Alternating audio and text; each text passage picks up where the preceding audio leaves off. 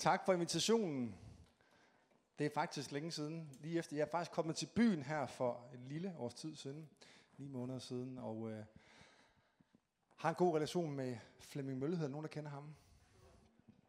Som, øh, som har, jeg, har, jeg, jeg har fået lov at følge i, igennem mange år, og brugt ham lidt som øh, mentor i forskellige situationer af mit liv, hvor, øh, hvor jeg ikke rigtig vidste, hvem jeg skulle ringe til. Så jeg ringte til Flemming. Har nogen af jer, der prøvet det? Det er et godt sted at ringe hen. Så Flemming jeg har mødtes en gang imellem, og øh, jeg har stor respekt for Flemming. Han har betydet rigtig meget for, for mit liv. Og så synes jeg, han sammen med alle jer laver en fantastisk kirke. Der var ikke. Der skal måske arbejde lidt med selvforståelsen her, Kristoffer. Jeg synes jo faktisk, øh, at I som Vineyard, både her i København og i Danmark, sætter nye standarder for, øh, hvad der kan lade sig gøre. Og det er de rent faktisk planter og sår og tror og øser ud øh, både til højre og venstre af, af, af det, som vi har, det, som vi kan. Det er så fornøjeligt at se på. Og det giver håb for alle andre kirker og kirkesamfund i Danmark, at, øh, at vi rent faktisk kan nå vores land. Amen. At vi faktisk kan plante nogle kirker. Og øh, jeg tror, jeg har været med i så mange år. Jeg er 26 nu. Så 46. Og, øh, og jeg, jeg har været med så længe nu. Jeg kan også huske de år, hvor man tænkte, det der med at plante kirke, det går ikke i Danmark. Men det siger vi ikke længere. Og takket være blandt andet også Vineyard, der lige har været med til at bryde noget nyt land. Så tak for jer. Tak for jeres måde også at håndtere mig på at komme til byen. Tak for fællesskab, Christoffer og Anne i forskellige sammenhænge. Jeg synes, det er så berigende at komme på Frederiksberg og opleve, at øh, der er kirker her, som øh, tror på, at Jesus han har noget at sige i Danmark i 2019. Amen. Jeg tror på, at Jesus han kan gøre en forskel, og at øh, hvis vi tør at råbe navnet Jesus ud fra tagene, eller måske bare stille og roligt bære ham med i vores liv, rundt omkring, hvor vi kommer, så, øh, så er der saft og kraft i navnet Jesus til at forvandle Frederiksberg, København, Danmark. Amen. Og øh, vi skal simpelthen bare holde fast i, i evangeliets kraft. Jeg, øh, jeg har haft den glæde at bo nu i København i ni måneder, og øh, har jo fundet ud af, at øh, et par ting ved København i hvert fald. Den ene ting er, at her kan man godt lide cykler. Er det ikke rigtigt? I hvert fald så meget, at der er nogen, der har taget to af mine. Ja, og det var først, da den anden blev væk, jeg fandt ud af, at man skal jo have nærmest sådan en, en kæmpe lænke med rundt på cyklen, og så skal den nærmest lænkes fast til lygtepælen, for at man har den, når man kommer ud igen. Og øh, det har jeg så lært nu, så nu er jeg på min tredje cykel, og den har jeg stadigvæk. Øhm, og så fandt jeg også ud af her i København, nu kommer jeg fra Kolding, der, der kommenterer folk ikke rigtigt, sådan, hvad man har på, og hvordan man ser ud. Er det ikke rigtigt? Her er der bare sådan, ah, det er ikke alle, der, der køber den. Her er der bare sådan frihed til at være, eller hvad? Det er der ikke her i Vineyard.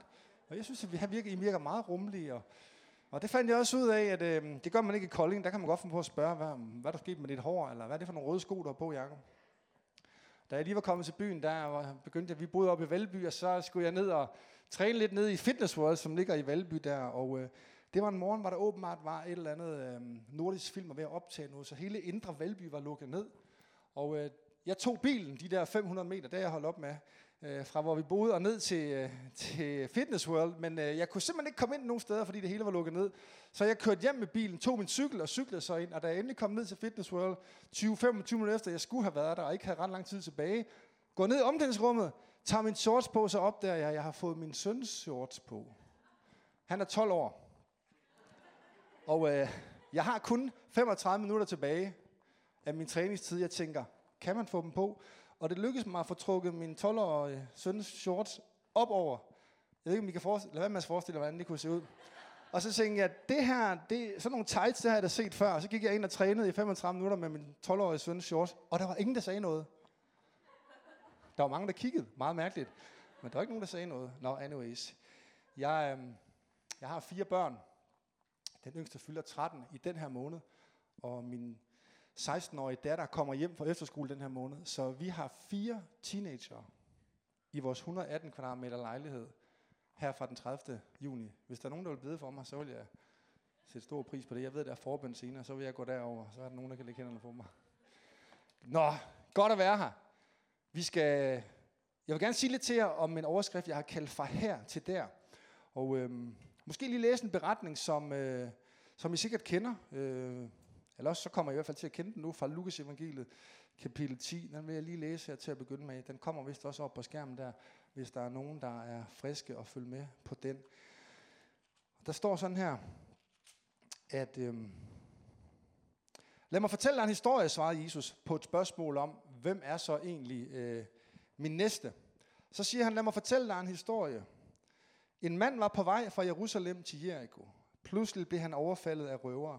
De rev tøjet af ham, slog ham til jorden og lå ham ligge halvdød i vejkanten. Tilfældigvis kom en præst gående ned ad den samme vej, og da han så manden ligge der, gik han over i den modsatte side af vejen og fortsatte. Senere kom en tempeltjener til det samme sted, og da han fik øje på manden, gik også han forbi i den modsatte side af vejen. Til sidst kom den samaritaner forbi ridende på sit æsel, for han var på en lang rejse. Han var sikkert på vej til Vineyard. Jeg kan se, I rider på æsel her. Øhm. Ja, den, jeg har jysk humor. Øh, til sidst kom den samaritaner forbi ridende på sit æsel, for han var på en lang rejse. Da han så manden ligge der, fik han medlidenhed med ham. Så han stod af æslet og gik derhen. Han rensede og behandlede mandens sår med olivenolie og vin og forbandt dem. Og derefter anbragte han manden på sit æsel. Bragte ham til en landevejskro, hvor han fortsat selv plejede ham.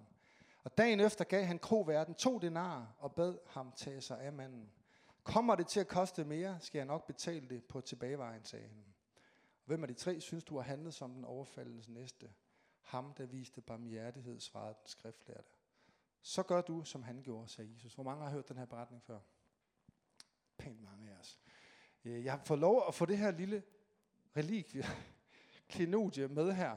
Fordi jeg godt tænke mig at, øh, at tegne en lille smule for jer her, bare for at prøve at illustrere det her fra her til der, ud fra den her historie. Og jeg ved ikke, for mange af os, så kan livet blive lidt sådan, og nu tegner jeg simpelthen en... Øh, jeg er stadig der, hvor jeg skal fortælle, hvad jeg tegner, fordi øh, det er sådan mest for min egen skyld, jeg tegner. Men det her, det er, det er en vej. Og det er fra her til der. Klapper man aldrig i Vineyard, eller hvad? Nå. Jamen altså, de siger også derover, hvor jeg prædiker til dagligt, at øh, jeg skal på et kursus i det her grafisk facilitering. Men anyways, jeg kommer en pointe med det lige om lidt. Jeg ved ikke, om du har oplevet nogen sådan, at livet hurtigt kan blive som sådan en lang serie af rejser fra her til der. Det er som om, vi hele tiden er på vej. Det er som om, vi hele tiden har et eller andet mål om, at når bare vi bliver færdige med studiet, så bliver det fedt. Er det ikke rigtigt? Nu hørte jeg lige en, der har afleveret speciale her. Så starter livet. Når bare vi lige bliver færdige med den der sæson i vores liv, så skal den alt nok blive godt. Når bare jeg finder ham eller hende der, jeg skal giftes med, eller når bare vi får det der barn, vi har længes efter. Og når man så har fået fire børn ligesom mig, så begynder man at længes efter, at børnene bliver lidt større. Jeg husker første gang, jeg tog hjemmefra, da vi havde fået nummer 4, og Jeanette sad der med en på 0, en på 2, en på 4, en på 8, og jeg skulle hen i kirken. Hej skat. Og så løb jeg og tænkte, det kan man slet ikke tillade sig at løbe væk fra det her. Og så begynder man at længes efter, ej, når bare børnene bliver lidt større, så kan de lidt mere selv. Og når så er de blevet lidt større, så tænker man, ej, når bare de flytter hjemmefra. Og når bare de så er flyttet... Og, og så kan det som om, det kan, det kan blive lidt sådan, som om livet hele tiden, kender det der med, vi er der ikke helt. Vi er sådan altid lige midt imellem. Og når bare et eller andet sted der ude i fremtiden, et eller andet falder på plads, så skal det nok blive godt alt sammen. Og når vi så ankommer til der, så viser det sig næsten altid, at der, det er bare et nyt her. Og så er der et eller andet andet, det, det, det den der øh, tilfredsstillelse, eller den der længsel, som vi tænker, den bliver der mødt, når jeg kommer frem til der. Det er som om, den udbliver, og så opstår der bare meget hurtigt en ny der. Et nyt sted, vi skal hen. Og øh, livet kan blive sådan en lang jagt efter en eller anden ro, en eller anden fred, en eller anden tilfredsstillelse, en eller anden sådan. Jeg har sådan set mange, i, i mange år bedt Gud om, kan jeg ikke bare sådan få et år, hvor der bare er ro på? Og vi kan have sådan en eller anden idé om, at, at livet bliver sådan en, en lang, lang rejse efter at, at finde den der meningsfuldhed, som vi hele tiden tænker, den, den, den kommer nok, den kommer nok der. Og så er jeg til der midt på vejen, det skete jo også for vores, vores mand her, som jeg vender lidt tilbage til, på vejen mellem her og der, alt imens vi kæmper og anstrenger os og håber på, at vi, det lykkes os at komme derhen, hvor vi nu er på vej hen, så sker der her til det, at vi bliver ramt af livet. Det her, det er Røde Kors. Kan man godt se. Tak. Så, bliver man ramt af livet. Ham her, vores kære mand, som er på vej fra Jerusalem til Jericho, måske for at Måske var han erhvervsdrivende, jeg ved ikke, han skulle til at gå for at gøre et eller andet. På vej fra her til der, midt i livet, der hvor vi nu er på vej hen, boom, så bliver vi ramt af livet. Er der nogensinde nogen, der er blevet ramt af livet? Fuldstændig taklet. Nu spiller jeg superveteran fodbold. Og jeg kan godt sige dig, mine mine superveteran fodboldvenner, vi, vi kan stadigvæk spille fodbold i vores hoved, men vi kan ikke i, i praksis. Så der bliver lavet mange uhensigtsmæssige taklinger. Og sådan er det jo med livet. Det rammer os lige pludselig på vej fra her til der. Og først så var vi optaget i hovedsagen at komme derhen, og lige pludselig så finder vi os selv øh, i vejkanten. For ham her, han, alt bliver taget fra ham. Tøjet bliver taget fra ham. Alt, hvad han havde af ejendom, han bliver sådan set efterladt til at dø øh, i vejkanten der. Og sådan kan livet ramme os. Så mister vi lige pludselig nogen, som nu måske nogen, vi havde relation med, nogen, som betød meget for os. Måske rammes vi af sygdom, måske rammes vi af noget økonomisk moras, eller måske noget forvirring, noget stress, noget depressioner, eller bare det hele taget den der afmagt. Kender du den der følelse af? Jeg aner ikke, hvordan jeg skal komme derhen. Jeg har en eller anden idé om, at jeg skal fra her til der, men jeg aner ikke, hvordan jeg skal komme derhen, og pludselig bliver man ramt af den der afmagt, og vi mister kontrollen, og vejen fra her til der, den føles lige pludselig meget mere oversku, uoverskuelig, og meget mere tungere, end vi havde forestillet os.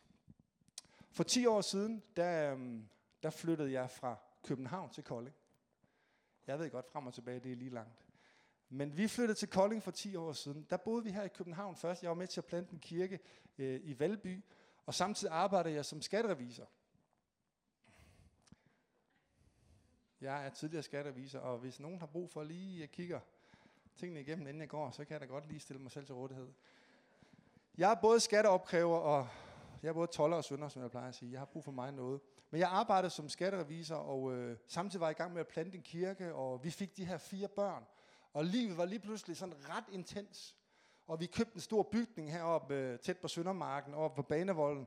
Så vi gik og renoverede kirke. Der kom et barn, der kom to børn, der kom tre børn, der kom fire børn. Jeg havde fuldtidsarbejde, og jeg var i gang med at plante den her kirke. Og lige pludselig så ringede en af mine gode venner fra Kolding, Jesper Kure, som er præst derovre. Han sagde, Jakob, den ene præst her i Kolding, han går på pension. Kunne du ikke tænke dig at komme herover? Og lige pludselig, så kunne jeg komme derover. Fuldtidsarbejde som præst, så behøvede jeg ikke længere at have et arbejde ved siden af. Vi kunne købe et, når man flytter fra København til Kolding, så kan man få noget for pengene. Er det ikke rigtigt? Vi, kunne købe, vi købte et 500 kvadratmeter hus lidt uden for Kolding. Og når man er fra Apostolsk Kirke, som vi er, så er det ligesom om Mekka eller Jerusalem, det er Kolding. Det er som om, det er løfternes land derovre. Og øh, så vi tænker, nu flytter vi fra her til der, nu tager vi til Kolding, flytter ind i det her skønne hus, fuldtidsarbejde i kirken, der, nu ankommer vi, kunne jeg mærke, nu, nu, nu er vi der. Og seks måneder inde i det der, eller ni måneder inde i det der, det var i 2008.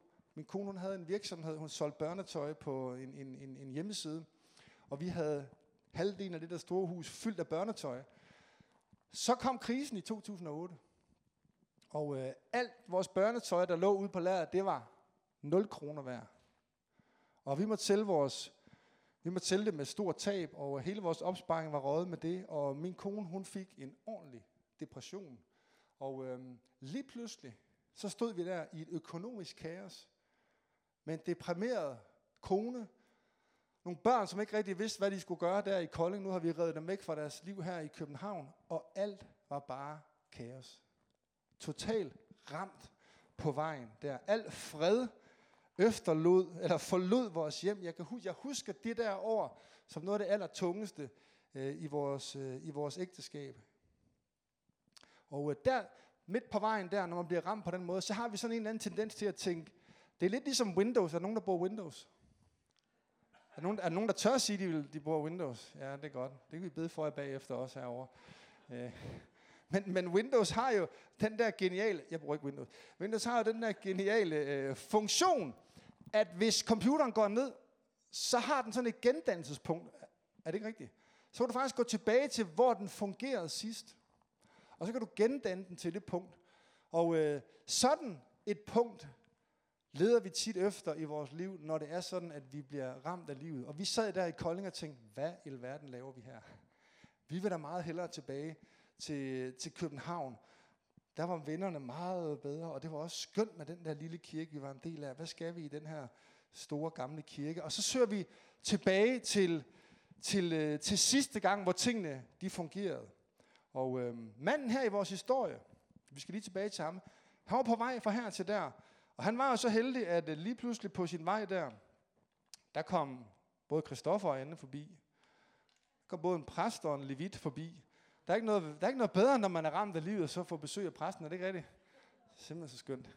Nå, men der, kom en, der står her, der kom en præst, og nu tager jeg den grønne, fordi jeg kan forstå, at vi går meget op i grøn kirke her. Jeg synes simpelthen, at grøn kirke har... Jeg, jeg, jeg er fuldstændig med. Jeg, jeg, fandt lige, jeg fandt lige den der plastikkop fra Nadveren, den skal vi lige have arbejdet lidt med. Men vi er i gang, det er i gang. Ja. Det er bare lige fordi, jeg vil sige, at vi har skiftet over til pap over ved os. I går til keramik. Husk at stemme på onsdag. Øhm, og der står, at, at den her levit og den her præst, som kom gående på vejen, de jo rent faktisk tørnede over i den anden side, det her med kasketten, det er Kristoffer, i den anden side af vejen. Og både levitten og præsten passerede gaden, gik over i den anden side af vejen. Og de repræsenterer, i den her historie, de repræsenterer loven. De repræsenterer den her idé om, at, at det faktisk er muligt for os at redde vores eget liv. Se, religiøsitet vil altid fokusere på, at vi skal redde os selv. At vi selv kan komme fra her til der. At vi selv på en eller anden måde kan tage os sammen og løfte os op og bringe os i mål. Og levitten og præsten, de har slet ikke syn for manden, der lå i siden af vejen. Fordi religiøse mennesker har ikke syn for andre mennesker. Religiøse mennesker har syn for deres egen frelse. Og de repræsenterer den her idé om, at, at, vi, egentlig, at vi egentlig kan selv. Og øh, den, som tror, han skal redde sig selv, er heller ikke optaget af at gå ind i andres kamp, men vil altid gå uden om andres kamp, og øf, altid efterlade andre, øh, øh, andre i deres egen smerte og deres egen afmagt. Og så kommer samaritaneren, som vi kender i beretningen. Og til stor forundring, så går han ikke over den anden side af vejen. Ham, som ellers havde stor grund til at gøre det. Fordi jøderne, vi må antage, det, det er en jødisk mand, som ligger der, hvis i hvert fald det er det publikum, som Jesus han fortæller dem til, at, øh, jøderne egentlig så ned på samaritanerne, og egentlig afviste samaritanerne. Så samaritanerne havde alle god grund til at gå over i den anden side af vejen, men stiger ned fra æslet og går hen og hjælper. Og som altid i alle beretninger i Nye Testamente og i, i øh, evangelierne, så er Jesus i gang med her i sin historie at fortælle og pege hen på sig selv. Og mange ved, at Nye Testamente, i det hele taget, Bibelen handler om Jesus. Den har kun, den har kun et formål, Hele skriften handler om at åbenbare Jesus Kristus. Og i hver gang Jesus han bringer en historie i spil, så peger han dybest set hen på sig selv. Og der står i Filipperbrevet, at Jesus steg ned fra sin himmel. Han kom for at give os liv. Ham, som havde alt grund til at afvise os. Vi, som havde afvist ham. Vi, som var kommet bort fra ham. Vi, som troede, vi kunne selv og ville selv. Og skulle vise, at vi kunne selv. Han steg ned fra sin himmel og kom for at give os liv. Han gav afkald, står der, på sin guddomsmagt. Han steg ikke bare ned fra sit asel, han steg ned fra sin himmel. Ham, som kom til jorden, kom for at redde os, som var på jorden. Og han kom ned og bøjede sig ned under os og tog vores smerte og vores sår og forbandt vores sår og løftede os op på hans æsel, eller løftede os op på hans plads. Se, da samaritaneren her kommer ridende, der er han oppe på æslet. Og senere efter han har forbundet mandens sår, så er det manden, der er kommet op på æslet. Se, Jesus han kom for at tage, tage, tage vores plads. Amen. Han har taget vores plads. Og nu er det ikke længere os, der går på vejen. Men nu er vi blevet løftet op og placeret oppe på æslet i hans hænder. Han tog vores skyld og vores skam og vores afmagt og vores smerte og forbandt os og ikke bare forbandt han os, ikke bare lappede han vores sår, men han satte os i hans sted. Amen. Han satte os sammen med ham og løftede os op, så det ikke længere er vores, vores anstrengelser og vores bestræbelser på at nå fra her til der, men nu kan vi sidde på hans æsel, i hans hænder, i hans plan og blive båret fra her til der. Det er i virkeligheden evangeliet, er det ikke sandt? At han tog vores sted. At han kom ind i vores kamp.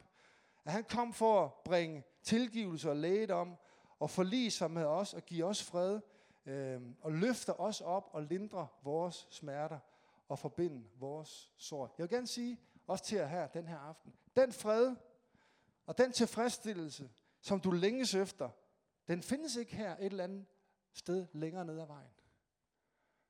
Jeg tror, de fleste af os har sådan en idé om, at når bare vi ankommer, når bare vi får styr på tingene, når bare vi lige får håndteret det der, eller det der, eller det der i vores liv, så skal det nok blive godt alt sammen. Men den fred, som vi alle sammen længes efter, findes ikke et eller andet sted derude. Den findes lige der, hvor vi tillader Jesus at løfte os op. Amen. Og, og, og få en oplevelse af, at han bærer os igennem livet. At han tager ansvaret for vores liv og bringer os hen et sted, hvor vi kan få lov at opleve, at han løfter os og bærer os. Den findes ikke længere nede af vejen i næste sæson. Den findes ikke, når alle omstændighederne lige pludselig er på plads. Den findes her og nu for enhver, som vil betro sit liv i Jesus. Amen. Jeg, jeg er så glad for, at han fandt mig, da jeg var på vej fra her til der. Øh, jeg har været på vej fra her til der mange gange. Og øh, jeg husker særligt øh, på et tidspunkt, hvor øh, jeg var 20 år, tror jeg, og det var inden jeg flyttede til København, der boede jeg på Nykøbing Mors. Er der nogen, nogen, der ved, hvor det er henne? Der er, nogen, ja, der er en, en retfærdig der. Det er sådan op med, i, i Limfjorden der, øh, næsten oppe i Nordjylland. Og der voksede jeg op sammen med min mor og far, og øh, min far han var præst, og det synes jeg bestemt ikke, jeg skulle være. Og jeg synes, det der med troen, det der med Jesus, og jeg synes faktisk, jeg havde rigtig svært ved ligesom at lige at være den der gode, fine søn. Jeg synes ikke helt, jeg kunne leve op til det. Jeg var faktisk sådan lidt forvirret for vej fra her til dag. Jeg synes ikke, jeg var en, jeg synes ikke helt, jeg var en god søn. Jeg, synes, jeg tror heller ikke, min far synes, jeg var speciel. Jeg tror, han elskede mig. Jeg tror ikke, jeg synes, det var nemt at være far til mig, fordi jeg fjollede virkelig rundt øh, i mit liv, og kunne ikke rigtig finde ud af at, at få noget retning i mit liv. Og øh, på et tidspunkt, så var jeg på vej fra her til der. Jeg var på vej fra Mors til Glyngøre. Whatever. Og der skal man, der skal man over sådan en sund Der havde jeg en kæreste over, og vi var i, i gang med at flytte sammen, og vi havde sådan lagt de helt store planer for vores liv der. Og en dag så skulle jeg over og besøge hende, og, øh, øh, og det drømte jeg, for jeg drømte, at jeg skulle køre over og besøge hende. Og jeg kørte over Sandingssundbroen, som det hedder. Og så drømte jeg simpelthen, at jeg kørte ud over kanten der og faldt ned i Limfjorden. Og øh, det slår man sig af. Og øh, jeg, jeg, drømte, jeg, jeg drømte, jeg døde. Jeg drømte, at jeg så min egen begravelse for mig. Og, øh, og jeg havde sådan en oplevelse af, at Jesus på en eller anden måde viste mig mit liv. Øhm, og, og mig, som i virkeligheden havde så svært ved at finde ud af, om jeg nu var god nok til alt det der, jeg synes, jeg ikke kunne finde ud af. Jeg havde så en eller anden fornemmelse af, at han løftede mig op fra den der limfjord der. Tog mig op af det der hav og satte mig op på broen igen og sagde, Jakob, den er god nok. Jeg har hånd om dit liv. Du behøver ikke at være så bange. Jeg var simpelthen så bekymret for, hvor tingene skulle ende hen for mig. For jeg synes, jeg var så forvirret. Jeg synes ikke, jeg kunne finde ud af at leve rigtigt. Jeg synes ikke, jeg kunne leve op til hverken min egen krav. Nogle gange så synes jeg, så kan vi have en idé om, vi ikke lever op til Guds standard. Men jeg har nogle gange problemer med at leve op til min egen standard. Kan du følge mig? Og, og, og, og der oplevede jeg bare, at Gud løftede mig op og sagde, Jacob, du behøver ikke at bekymre dig så meget om, hvordan du kommer til der. Jeg vil gerne holde dig i hånden. Du må gerne ride på mit æsel. Jeg vil gerne bære dig igennem livet. Og den dag besluttede jeg mig for at lægge mit liv i hans hænder, og jeg blev døbt sammen med tre venner øh, ganske kort tid efter. Og nogle år senere var jeg på vej, en sidste her anekdote her, så begynder vi at nærme os en slutning. Der var jeg på vej fra her til der i New Zealand. Jeg var taget her fra København sammen med min kone. Vi havde været med til at, at arbejde lidt i den der kirke, som jeg senere kom til at være med til at plante. Og øh, lige pludselig så sagde den, den øh, præst, som var der, han skulle videre og, og, og være præst et andet sted. Han sagde, Jacob, det er dig, der skal være præst her. Og hvis der var noget, jeg ikke havde lyst til, så var det at være præst. Øhm, det havde jeg slet ingen idé om, at jeg overhovedet skulle. Så vi flygtede, min kone og jeg. Vi tog til New Zealand, og vi sagde til menigheden, øh, vi rejser på jordomrejse nu, og så kommer vi tilbage, og så må vi jo se, hvad der sker. Og så sagde vi til hinanden, nu tager vi afsted, og vi kommer aldrig nogensinde tilbage hertil. Jeg skulle, jeg skulle ikke, altså hvis der var noget, jeg vidste, så var det, at jeg skulle ikke ind på den der bane med at være præst. Og på vej fra her til der i New Zealand, hvor vi bare slugte den ene kilometer efter den anden i en lille, hvid Mazda, der oplevede jeg, mens Jeanette hun lå og sov, der oplevede jeg sådan en, det var ikke en samtale, for jeg hørte ikke Gud, men det er en af de der øjeblikke, hvor jeg bare kunne mærke, Gud han var der, han ville mig noget. Kender du de der, det var ikke sådan en hørbar stemme, det var bare sådan, Jakob, hvad er det med dig? Hvorfor er det, du ikke siger ja til det der kald, jeg har til dig? Og øh, det vidste jeg udmærket godt, hvorfor. Og, og, og, jeg, og jeg følte sådan Gud udfordrede mig lidt og sagde, Jakob, nu vil du gerne have, at jeg bare skal være sådan reservehjulet i den der bil. Sådan en, du kan tage frem en gang imellem. I ved, når livet rammer. Kender I det der? Når man bliver ramt af livet, og man har brug for hjælp, så er det godt at have Jesus med i bagagerummet.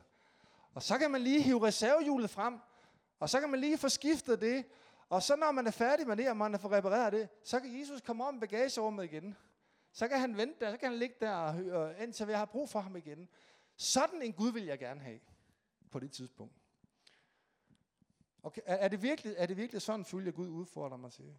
Eller, eller, eller, eller, eller, eller synes du bare, jeg skal sidde, får jeg lov at sidde ved siden af dig i bilen der, og bare sådan give dig god råd om, hvordan du skal køre? Og det går jeg så sige, at den plads var optaget. Der sidder min kone og har nogle gode... Anyways, hun er her ikke. Skal jeg ikke snakke om hende. Eller må jeg få, må jeg få rettet? Må jeg få lov at sidde? Vil du give mig styringen i dit liv? Og i virkeligheden så, der, så gik det op for mig, det er i virkeligheden det, tro handler om. Det handler i virkeligheden om, tør jeg overlade mit liv i hans hænder? Tør jeg opgive kontrollen? Tør jeg slippe den der anstrengelse og idé om, at jeg kan planlægge fra her til der, og jeg kan selv styre det. Jeg, jeg havde besluttet mig for, at jeg skulle være skatterevisor, så skulle jeg være konsulent i Deloitte og TUS. Der var allerede en stilling til mig, når jeg var færdiguddannet, så skulle jeg tjene en million om året og købe et hus til min kone. Det var min plan. Den var fuldstændig tegnet op. Og jeg tænkte bare, hvis jeg giver mit liv til Jesus, så aner jeg ikke, hvor det her ender henne. Kender du den der fornemmelse af, jeg, jeg ved godt det der med Jesus, jeg er nysgerrig på det, jeg synes det er spændende, det er god lovsang, ekstrem god violin, hvor er du henne? Kan, kunne jeg ikke få dig med hjem til min kirke? Det var da noget af det mest salvelsesfulde, jeg nogensinde har hørt. Er, du, er det ikke rigtigt? Wow, en skøn, skøn, skøn violin. Der var simpelthen sådan en, næsten en profetisk tone øh, i, i, i den musik, du spillede der. Gud velsigne dig med det. Fantastisk. Hvor kom jeg fra? Nu vil jeg bare have violinen med hjem. Nu kan jeg ikke huske, hvor jeg kom fra. Jo, jeg kom fra, at troen i virkeligheden handler om, jo ikke bare, ved du, mange af os bruger lidt Jesus som sådan en, han må gerne komme og forbinde vores sår. Han må gerne komme og gøre et eller andet. Men vi har en eller anden idé om, at når han er færdig med os, så bliver vi placeret på vejen igen. Og så er vi alligevel alene. Så er vi alligevel overladt til os selv. Så er det alligevel vores ans- eget ansvar om at komme dertil. Jeg vil gerne sige, efter 23 års ægteskab nu, hvor vi for mange år siden besluttede os for at sige, vi bekymrer os ikke om der. Vi bekymrer os om, om vi er i hans hænder. Om vi har overgivet vores liv til ham. Nu er vi så kommet tilbage til København her 10 år efter. Jeg ved ikke, hvad det er for en skør mand, der flytter 10 år, og så derover, og så 10 år tilbage. Jeg tror, mine børn synes, vi er en lille smule vanvittige. Men vi har bare besluttet os for, hvis vi kan få lov at være i hans hænder, sidde på hans æsel, vide, at han trækker, han trækker os igennem livet. Han har styr på det. Så har jeg lært efter 46 år nu, det er det bedste sted at være. Amen. Jeg vil ikke være noget andet sted end der, hvor Gud han egentlig gerne vil have, at jeg skal være. Og kan jeg få lov at lægge mit liv i hans hænder og betro ham ansvaret for, hvor det her skal ende henne, og hvad det skal blive til. Jeg bekymrer mig ikke for, om pengene slår til, eller om det hele kan lykkes, fordi det ved jeg, det er han styr på. Han forbinder ikke bare min sår, han løfter mig op. Amen.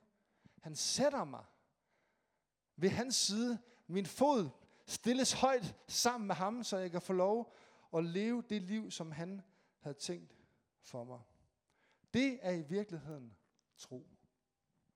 Og tur og betro sit liv i hans hænder. Nu skal vi til at bede sammen lige om et øjeblik. Jeg vil bare lige knytte en kommentar på den her tegning. Jeg ved ikke, om, øh, om vi skal synge en sang, og hvordan vi gør. Vi skal bede lige om lidt, fordi jeg har, jeg har på fornemmelse, jeg har, jeg har et enkelt profetisk ord eller to, jeg fik under lovsangen her. Der er nogle af jer, som er blevet ramt af livet. Og øh, der er måske også nogle af jer, der ikke rigtig helt ved, hvor er derhenne. Der er måske nogen, der står i nogle situationer og tænker, ah, hvis bare, og når bare, og en dag. Og jeg har sådan en, en tro på, at Jesus han i dag vil komme ind. Ikke gå udenom dine og mine problemer, ikke krydse over i den anden side af vejen, men gå os i møde. Amen. Gå dig og mig i møde, lige præcis i den situation, i dit, eller i dit liv, øh, som, hvor du har brug for ham. Og øh, vi når ikke alle de der punkter om, om kron, men jeg vil, bare, jeg, vil bare, jeg vil bare sige til jer, at det kan I jo selv læse videre bagpå og gøre nogle tanker om.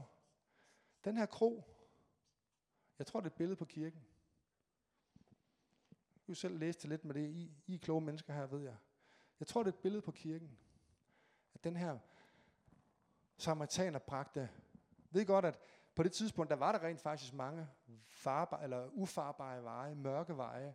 Og øh, allerede på det her tidspunkt, der var man lige begyndt at bygge sådan nogle kroer langs de der veje, blandt andet fra Jerusalem til Jericho og andre steder, hvor mennesker rent faktisk blev overfaldet, og rent faktisk blev øh, angrebet af bander og røver. Der var man begyndt at bygge sådan nogle små kroer, for at mennesker kunne komme ind og, øh, og finde ly, og finde lys, og finde hjælp, øh, i stedet for at blive slået ned ude på vejen. Og øh, jeg vil gerne bare sige, det er der kirken skal være.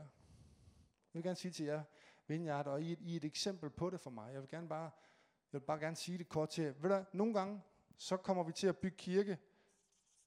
Kan I se, hvad det her er? Så skal jeg fortælle dig lige om lidt. Det er en skov.